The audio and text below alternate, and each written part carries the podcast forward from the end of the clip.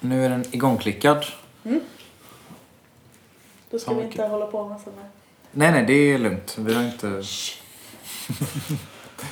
det här är ju eh, bara det goa introt. Just det, då får man Vänta, jag kan hur lägga min bok här va?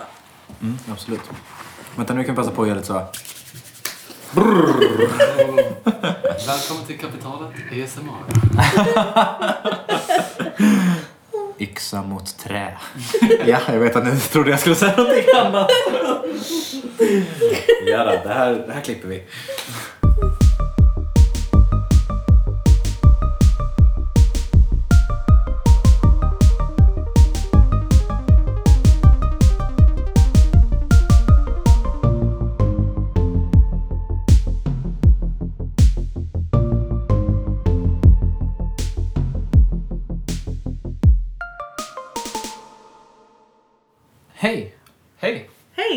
Och välkomna till den marxistiska... Björntjänsten. Ja, snyggt. Det var inte det jag försökte fiska efter att ni Nej. skulle säga. Men snyggt att ni bara plockade upp det. Det var bara Jag trodde du ville vi skulle säga det i kör. Ja, Men det det var varit inte. bättre. Mm. Ja. Vi var inte heller riktigt med på det. Nej, jag var inte heller med på det. jag glömde bort vad podden hette. Välkomna till... Uh, till uh, Gud, jag, kommer, jag vet att det hette någonting med björn. Björnes Magister. Nej. Uh.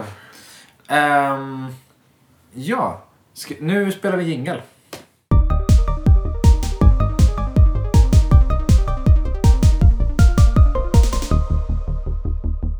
Oj vad den Snyggt. svänger. Båda Ja. gångerna svänger den något så fruktansvärt mycket. Ja.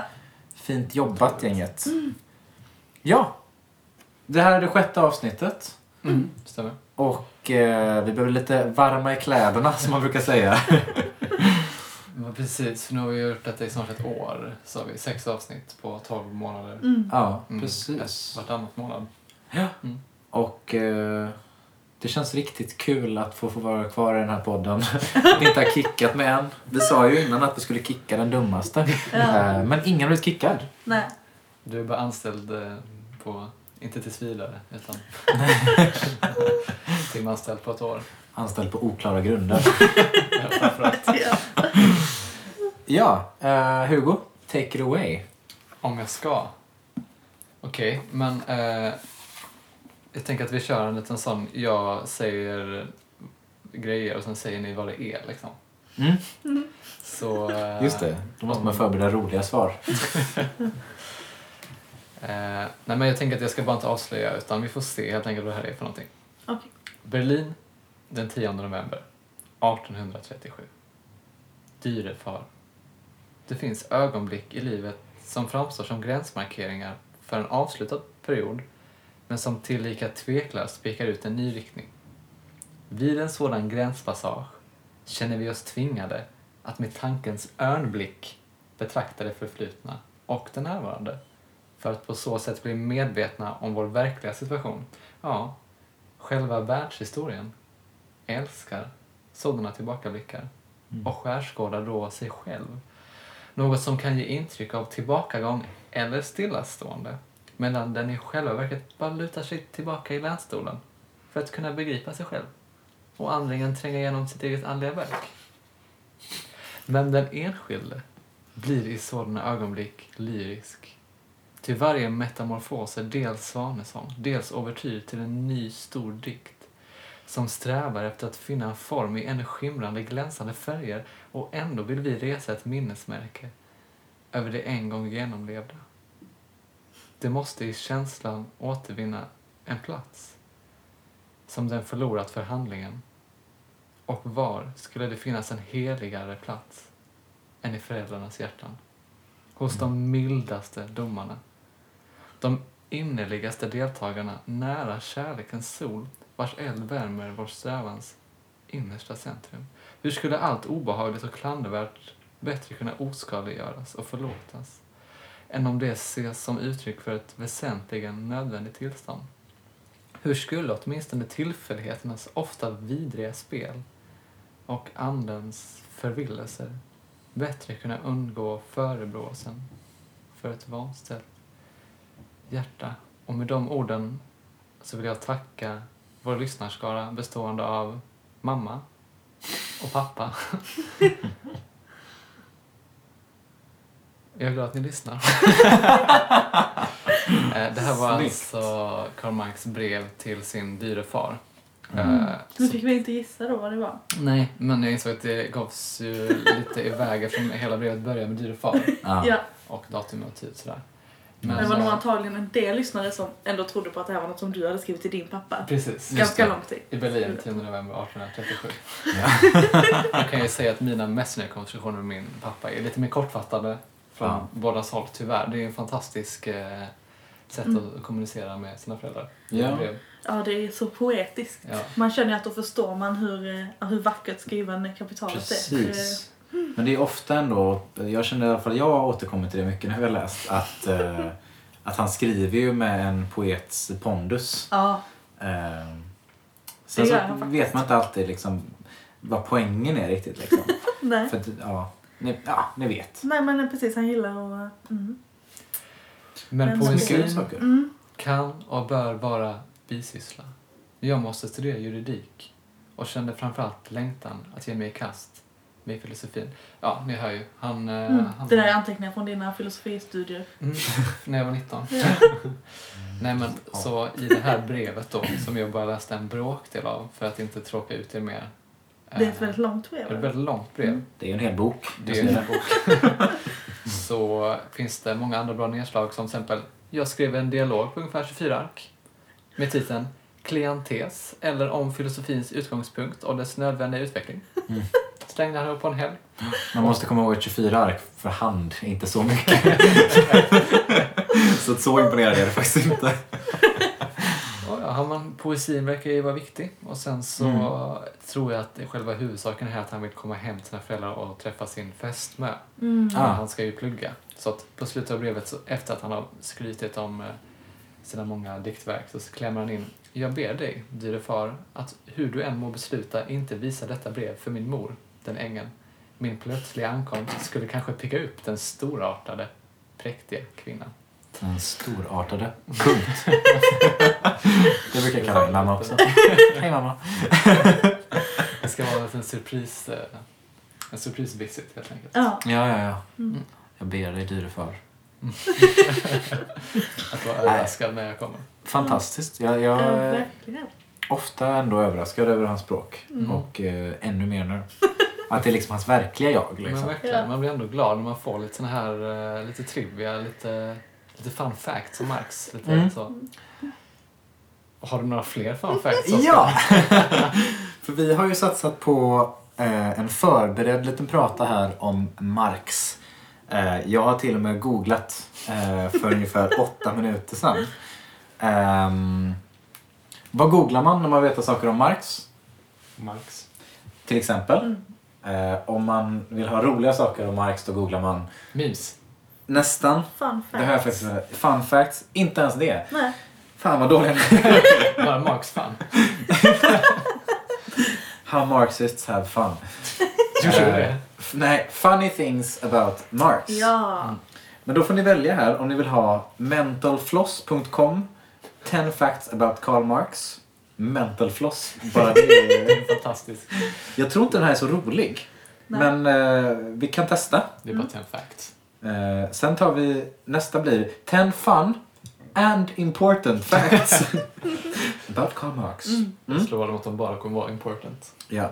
Vi startar med 10 facts about Marx. Om ni inte gillar de första fem så går vi Mm. vidare. Mm. Okej, Okej. det är alltså provanställning. Ja, Ja, så vi exakt. ska helt enkelt bara Oops. säga om de är roliga eller inte.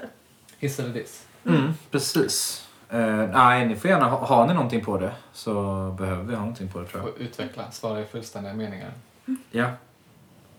Fakta nummer tre eh, på den här listan Mm. är att hans eh, citat Svaga bröst hjälpte honom att undvika militärtjänst. Ja, det, ja, det tycker jag är en bra fun Det fact. var Hiss. i bemärkelsen mm, liksom, svaga pex liksom.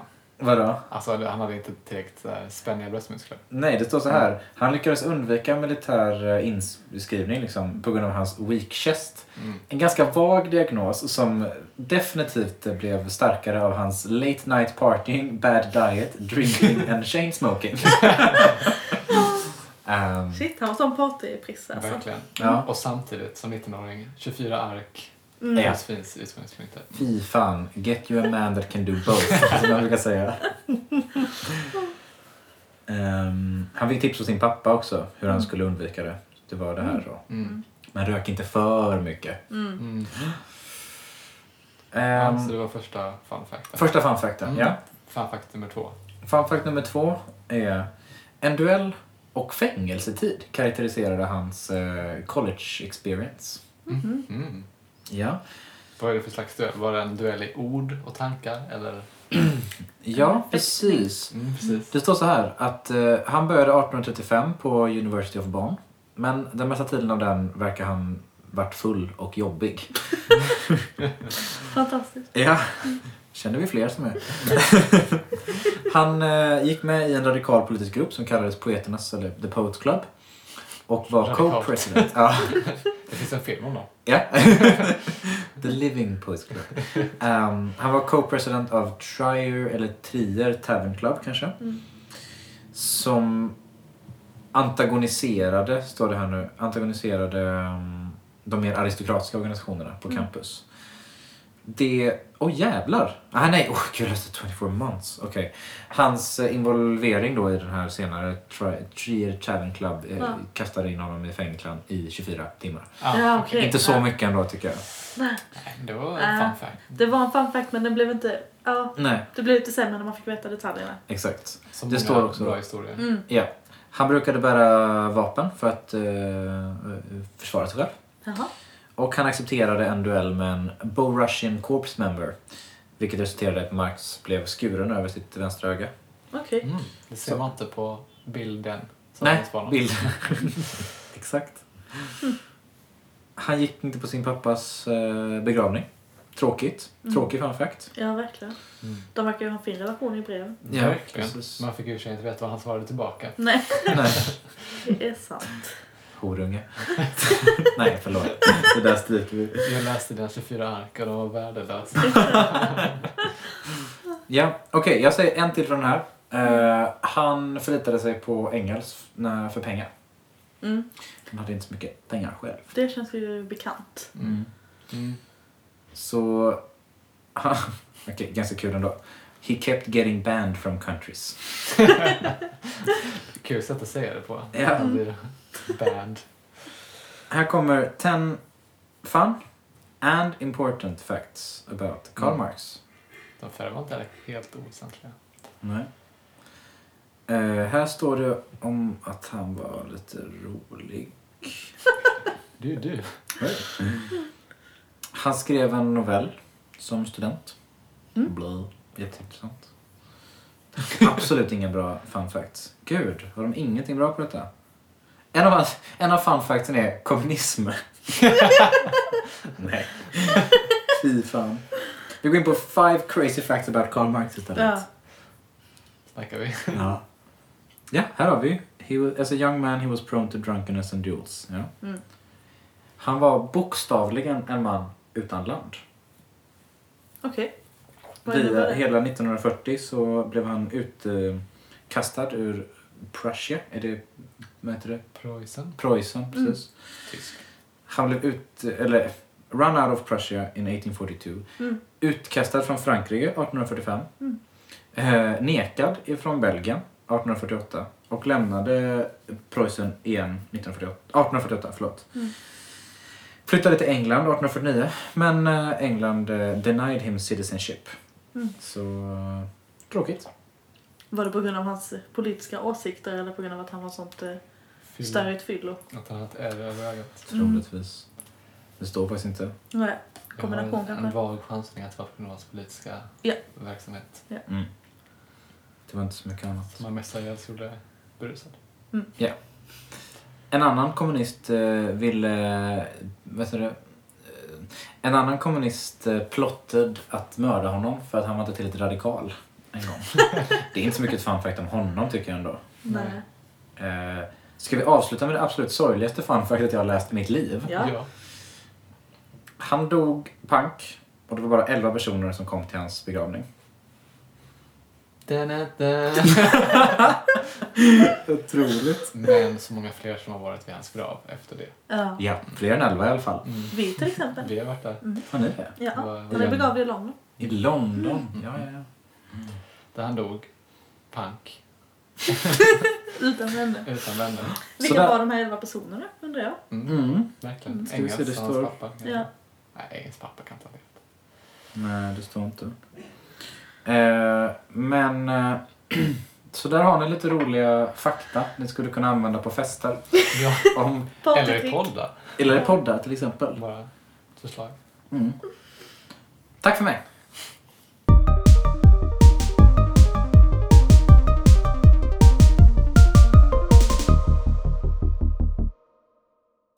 Och sen den här avslutningsmeningen. Var snäll och hälsa min ljuva härliga Jenny. Hennes brev har jag redan läst 12 gånger. Och hela tiden upptäcker jag nya tjusningar med det. Det är också språkligt sett det skönaste brev som jag kan tänka mig från en kvinna. Från en kvinna. Ja. Alltså Ah, språkligt begåvad för vara en kvinna. Mm. Men ja, det var ju synd att han la till det på slutet. Annars hade det varit en jättestor komplimang att hon var... Han verkar ändå tycka om det om man läste det 12 gånger. Tolv Ja. gånger. Är det för att det är så smart att han inte förstod någonting? Eller var det 12 gånger Gud. olika anmärkningar? Ja, jag Rätta liksom... stavfel första gången. Gick han, gick han, skickade han så? I'll send you notes. Det här är det bästa jag har sett av en kvinna. här kommer Marks notes ditt fula brev. Precis. 24 ark till min fästmö. Fan vad vi rockar detta avsnittet. Superbra. Sammanfattning. Eh, kort. Kort säger jag varje gång. Det kommer ta ett tag. Ja, men eh, nej, jag tyckte det var... Ja. Mm. Lagom. Lagom. Ja, men jag kan försöka snabba upp det lite. En sammanfattning av vad vi har lärt oss. Eh, Jag kom bara på en rolig grej som vi skulle kunna ha nästa gång. Så jag måste skriva upp det innan jag glömmer bort det. mm. Avbryt mig bara, det är helt okej. Ja, det är min roll. Förlåt, kort. Eh, kort sammanfattning om vad vi har lärt oss eh, hittills. Eh, av kapitalet, helt enkelt. Och den här eh, sammanfattningen kommer att bli längre och längre för varje gång, desto mer vi lär oss. Men hittills då har vi lärt oss att rikedomen i kapitalistiska samhällen visar sig som en enorm varuanhopning. Och därför börjar Marx med en analys av varan. Det som utmärker varor är att de är nyttiga för människor. De har ett bruksvärde som är något kvalitativt. Till exempel hur det är nyttigt för människor. Eh, en eh, linnebär har ett bruksvärde. En rock har ett annat bruksvärde. Man kan ha den på sig. Och bytesvärde är det kvantitativa värdet som olika varor jämförs med och genom. Till exempel eh, att en rock är värd en linnebär. Det specifika mänskliga arbetet har skapat kvalitativa bruksvärdet i varan, det vill säga själva snickeriet har skapat rocken. Nej, man syr en rock. Mm. Mm. Och det abstrakta mänskliga arbetet i allmänhet producerar själva eh, bytesvärdet. Och bytesvärdet bestäms av den samhälleligt nödvändiga arbetstiden, hur lång tid det här abstrakta arbetet tar för att producera en vara. Eh, genomsnitt, tiden. Och man eh, kan ha bruksvärde utan att det blir varor, om de är för eget, eget burk, står det här, för eget bruk. Om man till exempel odlar sina egna tomater. Och även saker som inte har blivit producerade av människor kan ha ett bruksvärde som luft och vatten och eh, jordnötter. Till exempel. jag vet inte, växer jordnötter naturligt utan att man... Det gör Det det. gör det säkert. Nej, jag, gud, jag, jag ska absolut inte ut. Typ, ni vet ju att jag trodde att jordnötter var salta av sig själv. Det är det jag menar, det är därför man ska läsa kapitalet. Det är kul för detta hade varit en kort sammanfattning om jag hade läst den snabbt. Ja. Nu läste jag den jättelångsamt. Eh, Men ingenting kan vara en vara om det inte har något bruksvärde. Man kan inte tillverka någonting om det inte är användbart för en annan människa och sälja det. Eh, Trots att man ibland ifrågasätter vissa av eh, sina inköp. Mm. Mm. Men eh, då får man kanske tänka över sina livsval. Mm. Och arbetet har precis som varorna en dubbel karaktär. Two, two-faced. Eh, varuproduktionens... Eh, eh, och det är ju också det här som är... Ja, eh, det står inte här. Varuproduktionens existens bygger på en samhällelig arbetsdelning. Man måste ha många olika personer som gör olika grejer. Mm. Och sist men inte minst började vi läsa senast, och detta sa jag också senast, och för två avsnitt sen började vi läsa om hur Marx med hjälp av begreppen ekvivalentform och relativ värdeform beskriver penningformens uppkomst.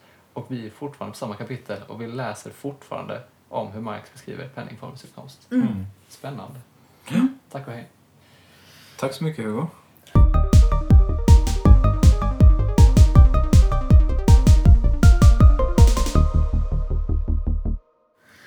Ehm, vi börjar läsa på sidan 48. Mm. I alla fall i de böcker som vi har. Eh, och då är det, ja det är inte kapitel 3 men det är, Jag Vad ska man säga? kapitel, kapitel 1, del kapitel 3, del kapitel 3. ja, Oj. Mm. ekvivalentformen heter det i alla fall. Mm. Vi har sett, i det en vara A, linneväven, uttrycker sitt värde i en olikartad varas, B, rocken, bruksvärde. Det börjar jättedåligt. Nej, fattar fortsätt. ingenting. Du hörde så snurra till det. Precis. Okej. Vi har sett. I det en vara A, linneväven, uttrycker sitt värde i en olikartad varas, B, rocken, bruksvärde, ger den även den sistnämnda en egendomlig värdeform, ekvivalensens. Mm.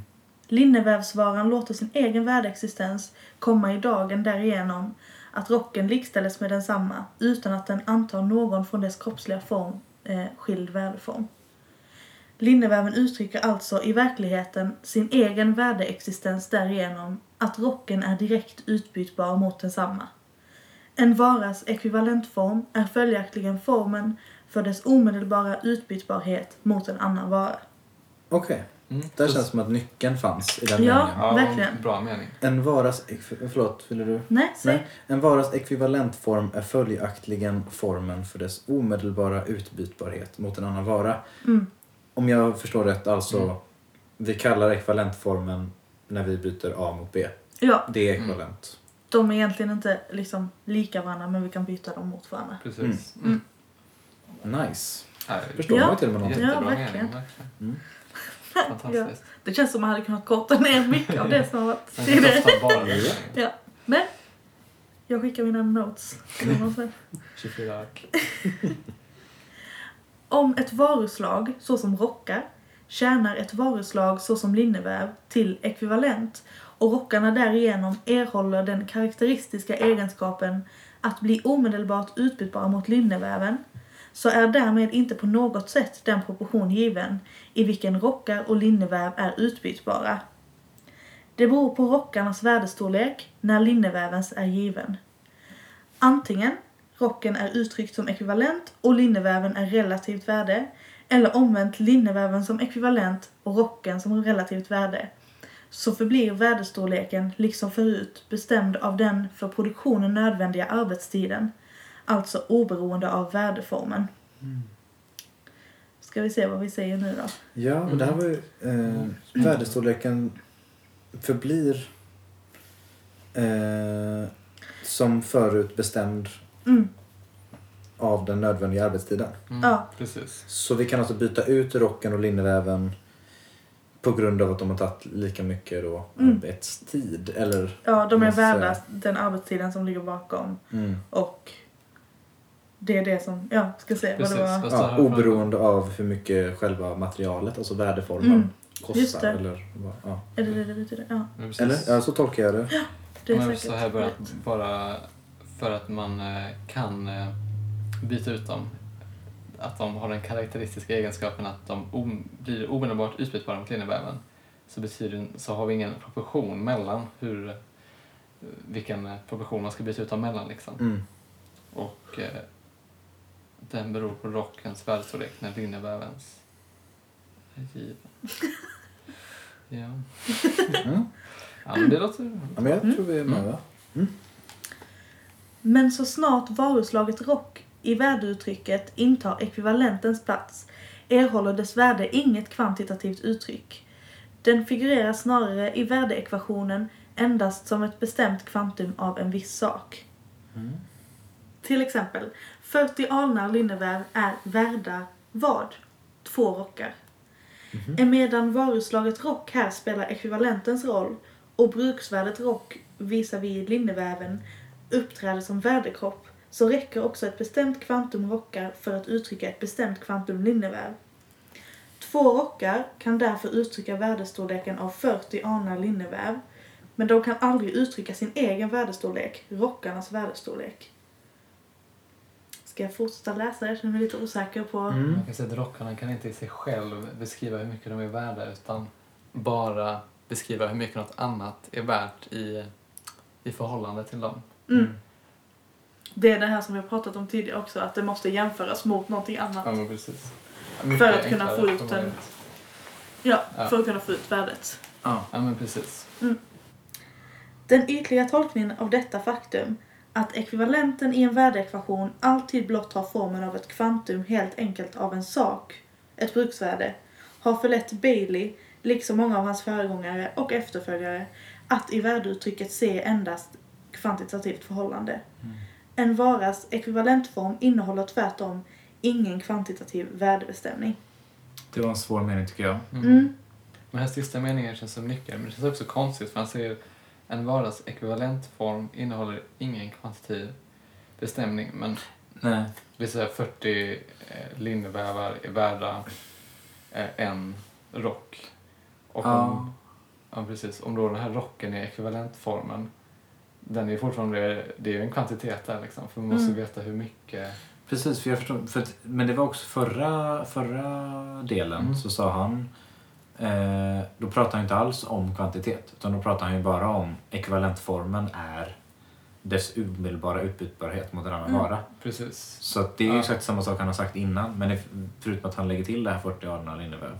Mm. Men det är så att dess ekvivalentform innehåller ingen kvantitativ värdebestämning för att det är lite så tricky att själva ekvivalentformen är inte samma grej som varan i relation till en annan vara. Liksom. Nej, Eller precis. lite så... Alltså att det är med själva alltså konceptet ekvivalentformen. eller Ja, alltså jag vet inte om det är det han försöker säga för rent Ja. spontant känner man ju att det måste ju fortfarande finnas eh, en kvantitet på båda sidorna av lika med Ja. Mm. Men vi får hem och se om vi Ja. fortsätter. Ja, vi, vi ser. Spännande diskussioner med mina marxistiska kamrater. Den första egendomligheten hos ekvivalentformen som frapperar betraktaren är denna. Bruksvärde förvandlas till uppenbarelseform för sin motsats, värdet. Mm. Mm. Frapperar antar jag, eller Ja. betyder förvånar eller... Det tror jag. Ja. Jag tror också det, men jag kommer att googla. Ja, Slå med häpnad. ja vi häpnar tror inför detta det. faktum. Men läs en gång till, det var så många fina ord. Och Ja. jag vill förstå det. Den första egendomligheten hos ekvivalentformen som frapperar betraktaren är denna. Bruksvärde förvandlas till uppenbarelseform för sin motsats, värdet. Okej. Mm. Bruksvärde, Bruksvärde. blir värde. Eller kanske då bytesvärde. Man kanske ska tänka. Ja, det Så undrar jag också vilket värde. Han pratar så mycket om värde. Mm. Tänk, Bruksvärde blir bytesvärde. jag tänker att man kanske ska tänka det för att förenkla det i vårt eh, mm, eh, Marks for Dummies-stadie. Jag vet inte vad Och hur menar han då? I den ekvivalentformen, Mm. det är det här då med två rockar. Det är bruksvärdet rock, alltså, blir till ett bytesvärde. Mm. Och jag förstår inte riktigt eh, Nej, jag förstår inte heller. varför. Nu måste jag också bara eh, påminna mig. Den relativa värdeformen och ekvivalentformen. Vilken är vilken nu? Är det liksom, det var det vi gjorde för några avsnitt sedan. Jag kommer inte heller ihåg. Jag Nej. kan s- jag har inte T fan. Det är... eh, Relativa... F det. Eh, relativa värde. Relativa. Alltså vilken bra Google-historik du kommer ha efter det här. Nu söker bara i, i eh, kapitalet här. Det är mycket, mycket lätt. Den relativa värdeformens kvantitativa bestämdhet. Den relativa värden... Ja, men det där såg jag också. Ja. Just det. Mm. För att uppdaga hur en varas enkla värdeuttryck ligger dolt i värdeförhållandet mellan två varor har man närmast att betrakta denna relation alldeles oberoende av dess kvantitativa sida. Läser du, vad läser du nu? Tvåan läser jag. 1,2. Mm. 1,2a. Spännande. Eh, linnevävens värde kan alltså endast uttryckas relativt, det vill säga i en annan vara. Mm. Allting är relativt, så den kan inte uttrycka sitt värde i sig själv. Mm. Linnevävens relativa värdeform förutsätter därför att överhuvudtaget något, eh, någon annan vara befinner sig visavi den i ekvivalentform. till något annat som den kan vara lika med. Mm.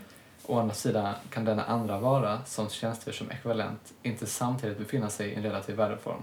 Och här då lite lurigt att annars skulle det bli någon slags eh, kedja av att men hur mycket är en rock värd i något annat liksom. Mm. Så för att sluta den, eh, ja, fyra linnevävar är värda en rock, är värda en fisk, är värda en dator.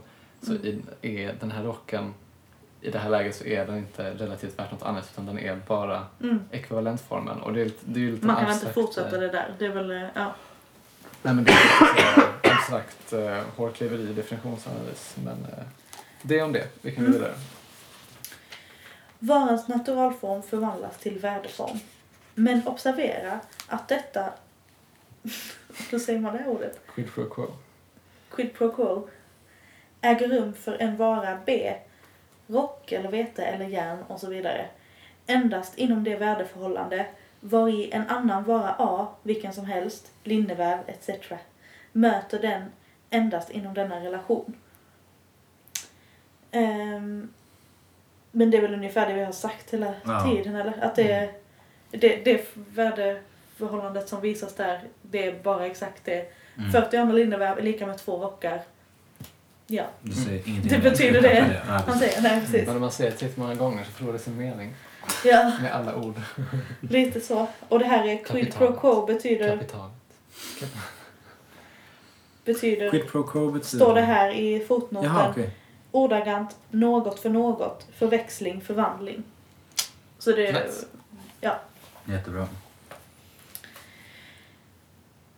ja. Mm. Då ingen kan, nej. Då ingen vara kan stå i relation till sig själv som ekvivalent, alltså inte heller kan göra sin egen yttre skepnad till uttryck för sitt eget värde, måste den förhålla sig till en annan vara som ekvivalent eller göra en annan varas yttre skepnad till sin egen värdeform. Det kan inte vara alltså 40 andra linneväv är lika med 40 andra linneväv, Nej, Nej, för det ger en ingenting då. snyggt. ingenting. Utan det måste vara en annan ekvivalent, Mm. alltså den andra grejen efter lika med tecknet. Mm. Mm. Ja. Så att jämföra med. Ja, men det är ju det vi har sagt hela tiden. ja. Mm. Eh, detta kan vi åskådliggöra genom att som exempel ta ett mått Mm. som tillkommer varukropparna som sådana. En sockertopp är som kropp tung, Man hoppas att det inte är... inte en, en tjej. en sockertopp är som kropp tung och har därför vikt. Men man kan inte se eller känna på sockertoppen vad den väger. Järnets kroppsliga form i och för sig betraktad är lika lite som sockertoppens någon företeelseform för tyngden. För att uttrycka sockertoppen som tyngd sätter vi den ändock i viktförhållande till järnet. I detta förhållande har järnet rollerna av en kropp som inte representerar något annat än en tyngd.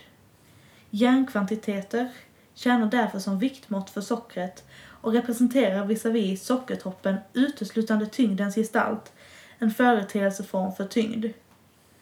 Denna roll spelar järnet endast i detta förhållande, var i socker eller någon annan kropp vars vikt ska bestämmas sammanföres med järn. Om inte bägge tingen vore tunga så kunde de inte träda i detta förhållande och det ena därför inte tjäna som uttryck för det andras tyngd. Kastar vi bägge på vågskålen så ser vi i själva verket att det som tyngd är ett och samma och därför i viss proportion också är av samma vikt. Så som järnkroppen som viktmått visavi sockertoppen endast företräder tyngd så representerar i vårt värdeuttryck rockkroppen visavi linneväven endast värde. Mm. Okej. Så det känns som någon slags eh, abstraktion här. Mm. Mm. Att visa på en liknelse med att om eh, det här att det bara var tyngden av eh, sån här eh, exemplet med järn. Mm. Det var inte järnet några andra kvaliteter, inte dess storlek, utan det som gjorde att det var lika med sockertoppen där. Ja, det är det alltså. Var hur, Mm. hur mycket hon vägde. Nej, Menar han en sockertopp, alltså bakverket? jag antar det. Ja. Ja, jag fattar Fast inte. vi alla är på samma eh, så... Ja, jag antar det. Mm. Men... Eh, precis. Men eh, det fortsätter ganska intressant. Eller det fortsätter så här med fortsatt förklaring. Mm. Upplever jag i alla fall. Ja, men då fortsätter vi med det. Eller hade vi något mer? Eh, nej, det var jag som tänkte. Men jag, jag tror att jag är med på det med att eh, det man jämför mellan dem är just deras tyngd. Mm. Och inte någonting annat. Nej, inte hur precis. de smakar till exempel. Exakt. Gott. men då börjar vi här, där här slutar dock analogin. Mm. Ja. Här slutar dock analogin. Järnet representerar i sockertoppens viktuttryck en för bägge kropparna gemensam naturegenskap, deras tyngd, medan rocken i linnevävens värdeuttryck företräder en, en egenskap utanför naturen hos bägge tingen, deras värde, något rent samhälleligt. Nice. Ja, Bra beskrivet Max. Mm, verkligen. Kingen. Ja, Men det förstår vi ju. Verkligen. Det är också därför det känns som, ja det är det här abstrakta liksom. Att Mm. eh, det är ju lättare att förstå det här med att man lägger två saker på vågskålen och Mm. hur tunga är de. Men det här med Precis, deras går- värde. Exakt. Ja. Det går inte att väga en rock och säga att den väger så att det ligger liksom. För att det handlar om andra värden. Mm. Spännande. Kul. Nu förstår man ju. Okej. Um, I det den relativa värdeformen av en vara, till exempel linneväv, uttrycker dess värdeexistens som något från dess kropp och dess egenskaper helt skiljaktigt, till exempel som rocklighet, antyder själva detta uttryck att det döljer ett samhälleligt förhållande. Omvänt med ekvivalentformen. Den består just däri att en varukropp såsom rocken, detta ting, just som det är, uttrycker värde, alltså genom sin natur äger värdeform. Visserligen gäller detta endast inom det värdeförhållande i vilket linnevävsvaran är satt i relation till rockvaran som ekvivalent. Men då ett tings egenskaper inte uppstår ur dess förhållande till andra ting, utan fastmer är verksamma i ett sådant förhållande, förefaller även rocken äga sin ekvivalentform, sin egenskap av omedelbar utbytbarhet, lika mycket av naturen som sin egenskap att vara tung eller skydda mot köld. Ja, jag hänger inte riktigt med på vad jag säger. Nej, precis. Inte jag heller. Mm. Eh, Ska vi säga från början här då? den relativa värdeformen av en vara, till exempel linneväv, Ja. uttrycker linnevävens värdeexistens, Mm. stämmer? Ja. Mm. Ja. Som något från... Nu försvann mitt... Eh, Som något från dess kropp och dess egenskaper helt skiljaktigt. Till exempel som rocklighet. Men vad, vänta, vad betyder detta bara? Från dess kropp och egenskaper helt skiljaktigt? Alltså någonting som inte har med dens eh, egenskaper, dess fysiska egenskaper att göra? Ja men precis. Så att i den relativa värdeformen av en vara, Mm. eh, linneväv, uttrycker eh, vad sa vi nu, linneväven Mm. dess värdeexistens som något från dess kropp och egenskaper skiljaktigt. Ja, alltså... kroppen och dess egenskaper skiljer man ifrån. Nej, jag tänker att eh, den, ut, no, den uttrycker sitt värde eh, i någonting som är skilt från dess kropp. Den uttrycker sitt Ja. värde i dess likhet med rocken. Ja, i någonting som inte har med dess fysiska egenskaper att göra. Tyckte jag var tydligt om det är rätt. Mm, precis. Mm. Mm. Mm. Och den är, dess likhet med rocken är då helt enkelt att de båda har ett värde. Ett samhälleligt värde. Mm. Precis. Hela den här kapitlet är lite att försöka förklara vad värde är, vilket vi kanske bara går in och tar för givet. Mm. Ja, ja men precis. Exakt. Men det är ju intressant för det. ska man bryta ner idén om ett pengasamhälle så Mm. är det ju bra att förstå vart det kommer ifrån. Ja, men Mm. precis. Vad är pengar? Vad är värde? Mm. Vad är konst? Nu låter det som att jag är ironisk, men det är det vi försöker lära oss. Ja, men jag, tycker, jag tycker också att det är intressant på riktigt. Men Ja. jag vet vad konst är, då skulle vi ha läst de här 24 arken. Mm. Ja. ja, men då Då fortsätter, fortsätter vi vi. den här Mm. vägen. Ja, vi fortsätter. Ja. Då ska vi se. Då var det lite mitt i här, men ja. Därav det gåtfulla i ekvivalentformen, som drabbar den politiska ekonomens borgerligt krassa sinne, så snart denna form definitivt möter honom i penningen. Då söker han bortförklara guldets och silvrets mystiska karaktär, i det han smugglar in mindre påfallande varor och med ständigt samma förtjusning rabblar katalogen över allsköns varubråte, som på sin tid har spelat rollen av varuekvivalent.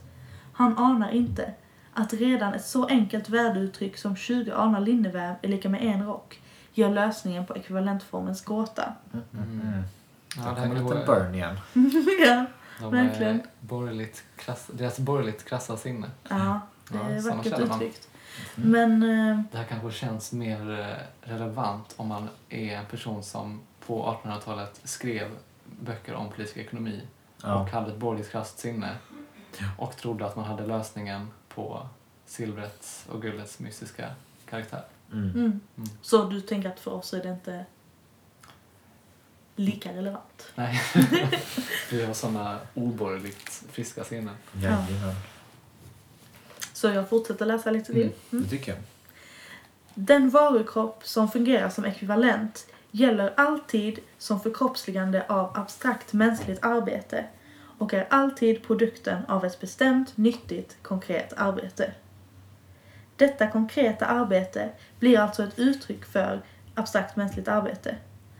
Om rocken till exempel gäller som en ren konkretisering så blir även skrädderiet, som faktiskt förverkligas i rocken, en konkret form av abstrakt mänskligt arbete. I linnevävens värdeuttryck består skrädderiets nyttighet inte däri att det formar kläder, alltså även människor, utan att det producerar en kropp som man kan uppfatta som värde, alltså arbetssubstans, som inte skiljer sig från det i linnevävsvärdet realiserade arbetet. För att åstadkomma en sån värdespegel får skrädderiet själv inte återspegla något annat än sin abstrakta egenskap av mänskligt arbete. Mm. Okej. Också ganska tydligt, tänker jag. Mm. Mm.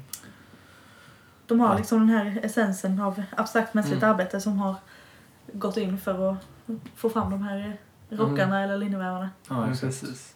Och jag tycker det var snyggt bara just den formuleringen. En konkret form av abstrakt mänskligt arbete. Ja. Ja, Jag tycker precis. väldigt... Mm. Det är konkret helt enkelt. Oh, älskar konkreta saker. Och då är det bara jag, det, hur det har med ekvivalentformen att göra här. Ja, det, Mm. Ja, det vet jag inte. nej, jag tänker, den varukropp som fungerar som ekvivalent gäller alltid som förkroppsligande av abstrakt mänskligt arbete. Eh, ja, nej men det finns väl kanske inte så mycket mer att säga om det. Eller? Nej. I skrädderiets liksom i väveriets form förbrukas mänsklig arbetskraft. Bägge har likaså den allmänna egenskapen av mänskligt arbete och kan därför i bestämda fall, till exempel vid vävdeproduktionen, endast betraktas från den, denna synpunkt. Allt detta är inget mysterium. Men i varans värdeuttryck blir saken förvirrad. För att till exempel uttrycka att det är vävandet, inte i dess konkreta form som vävande, utan i dess allmänna egenskap av mänskligt arbete som bildar linnevävsvärdet, ställes emot detsamma skrädderiet, det konkreta arbete som producerar linnevävsekvivalenten, såsom den gripbara konkreta formen för abstrakt mänskligt arbete. Det är alltså en andra egendomlighet för ekvivalentformen, att konkret arbete omvandlas till en företeelseform för sin motsats, abstrakt mänskligt arbete. Så ekvivalentformen är två motsatser. Mm, Mm. Precis. Mm, riktig, riktig luring. Och den första var då att bruksvärdet eh, uppenbarar sig som värdet, eh, bytesvärdet. Mm. Och den Precis. andra är att eh, det konkreta arbetet uppenbarar sig som abstrakt mänskligt arbete. Mm. Mm. Du kan inte byta grejer utan att de blir abstrakta. Nej. Utav bara helvete. Mm. Men då detta konkreta arbete, skrädderiet, gäller endast som uttryck för odifferentierat mänskligt arbete uppträder det under lika form som annat arbete, det i linneväven dolda arbetet, och är sålunda ehuru privatarbete som allt annat varuproducerande arbete, ändock arbete i direkt samhällelig form. Just för den skull uppträder det i en produkt som är direkt utbytbar mot en annan vara. Det är alltså en tredje egendomlighet för ekvivalentformen, att privatarbete förvandlas till sin motsatsform, till arbete i omedelbart samhällelig form. Snyggt. Mm. Mm. Att en persons arbete förvandlas till någonting som har en samhällelig, ett samhälleligt värde. Ja. Precis, så då har vi de tre, de tre motsatserna. Mm. Bruksvärde till bytesvärde. Konkret mänskligt arbete till abstrakt mänskligt arbete. Privat arbete till samhälleligt arbete. Mm. Toppen. Mm. Det här hamnar i sammanfattningen. Vi skulle ha en powerpoint på det här. Jaha, du faktiskt. De bägge sist påpekade egenheterna i ekvivalentformen blir ännu mer begripliga om vi går tillbaka till den store forskare som först har analyserat värdeformen och dessutom så många tankeformer, samhällsformer och naturformer. Det är Aristoteles. Da-da-da. Att börja med uttalar Aristoteles klart att varans penningform endast är en vidareutvecklad gestalt av den enkla värdeformen, det vill säga en varas värde uttryckt i en godtycklig vald annan vara. Ty han säger, fem sängar är lika med ett hus skiljer sig inte från fem sängar är lika med så och så mycket pengar. Mm. Han inser vidare att det värdeförhållande var i detta värdeuttryck förekommer och sin sida betingar att huset sättes kvalitativt lika med sängen och att dessa materiellt skilda ting utan en sådan väs- väsenslikhet inte skulle kunna hänföras till varandra som kommensurabla storheter. Utbyte, säger han, kan inte existera utan likhet, men likhet inte utan kommensurabilitet. Vad betyder det ordet? Kom, det ska vi kolla. Kommensurabel. Fint att man får de grekiska översättningarna här också, Mm. med grekiska alfabetet. Kan du ta dem på grekiska också? Mätbar med samma mått, jämförbar. Okej, så han säger alltså utbyte kan inte existera utan likhet, men likhet inte utan Att de är Jäm- helt lika. för, för, Men var inte kommensurabilitet att de kunde jämföras med typ samma mått eller någonting? mm, Vad är det du sa? Jämförbara storheter skulle man kunna översätta det till. Okej, Nej, förlåt. Ehm, likhet inte utan jämförbarhet. mm, Utbyte Okej, kan alltså- inte existera utan likhet. Mm. Men likhet kan inte existera utan jämförbarhet. Ja, det. Ja, det Mm. mm. okej. Men här studsar han och uppger den vidare analysen av värdeformen. Men det är i sanning omöjligt att så olikartade ting kan vara kommensurabla. Det vill säga kvalitativt lika. Mm. Så, ja. Jämförbara Ja. måste det betyda. Ja. Mm. Detta likställande kan endast vara något för tingens verkliga natur främmande, alltså endast en nödhjälp för det praktiska behovet. Mm. Mm. Okej. Okej, okej. Han verkar inte riktigt köpa att de, att de var så lika ändå. Aristoteles. Nej. Mm. Men, eh, ja. Vad, vad säger han mer? Ska jag fortsätta? Ja. Aristoteles säger alltså själv vad på hans vidare analys strandar, nämligen på avsaknaden av ett värdebegrepp. Vad är detta lika, det vill säga den gemensamma substans som låter huset föreställa sängen i dennas värdeuttryck? Något sådant kan i sanning inte existera, säger Aristoteles. Varför? Huset föreställer gentemot sängen ett lika, så vitt det föreställer något i bägge verkligt lika. Och detta är mänskligt arbete. Boom. Mm. Ja. Ja, vilken fantastisk mening. Ja, verkligen. Mm. Kan vi inte bara koppla in den meningen i alla tidigare avsnitt och alla kommande avsnitt? Så kan vi täcka in alla de här andra meningarna. Ja. Men att i varuvärdets form alla arbeten är uttryckta som samma mänskliga arbete och därmed som likagällande, det kunde inte Aristoteles läsa ut ur själva värdeformen. Emedan det grekiska samhället var baserat på slavarbete och därmed hade olikheten mellan människorna och deras arbetskrafter till naturlig grund. Värdeuttryckets hemlighet, alla arbetens likhet och likagällande, emedan och i den mån de är mänskliga, mänskligt arbete överhuvud, kan inte uttryck, uttryck, vad står det? Tydas. Uttydas. Förrän den mänskliga jämlikhetens begrepp redan äger en folkfördomsfasthet. Men detta är bara möjligt i ett samhälle där varuformen är arbetsproduktens allmänna form och människornas förhållande till varandra som varuägare alltså är det rådande samhälleliga för- förhållandet. Eh, ja, vad har stått här nu? Han säger alltså att det här som han kom på, som inte Aristoteles kom på, kan Marx komma på för att man kan bara komma på det inom kapitalismen.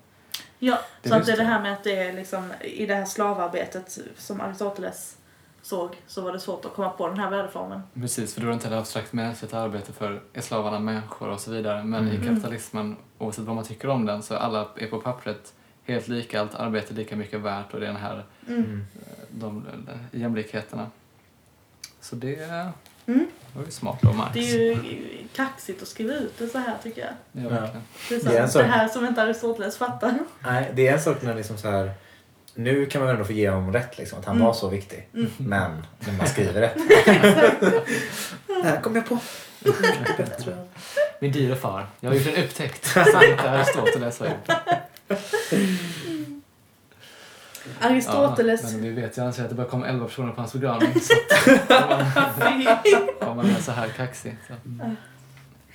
Aristoteles geni glänser just där i att han i varornas värdeuttryck upptäcker ett likhetsförhållande. Mm. Endast den historiskt betingade begränsningen av det samhälle vari han levde förhindrar honom att upptäcka vari då i sanning detta likhetsförhållande består. Det var ju det vi sa då. Exakt. Snyggt! Vilken grej alltså. Där sätter Ja. vi punkt för uh, 1.3 va? 1.3.3. Mm. Ja, Och så gör vi Sant. 1.3.4 nästa gång. Ja. Den enkla värdeformen i dess helhet. ja. Mm. fantastiskt. Fan Underbart. vad gött. Då gör vi en sån här.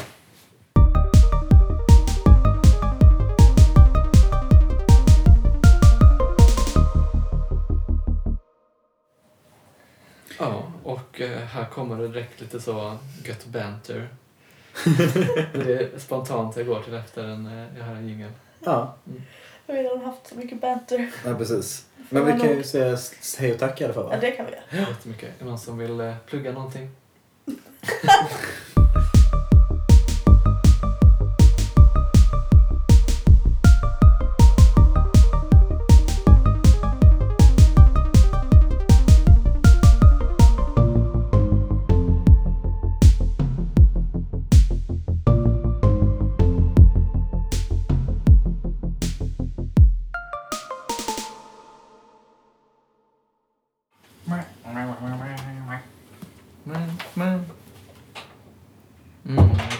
skulle tagit lite memes också.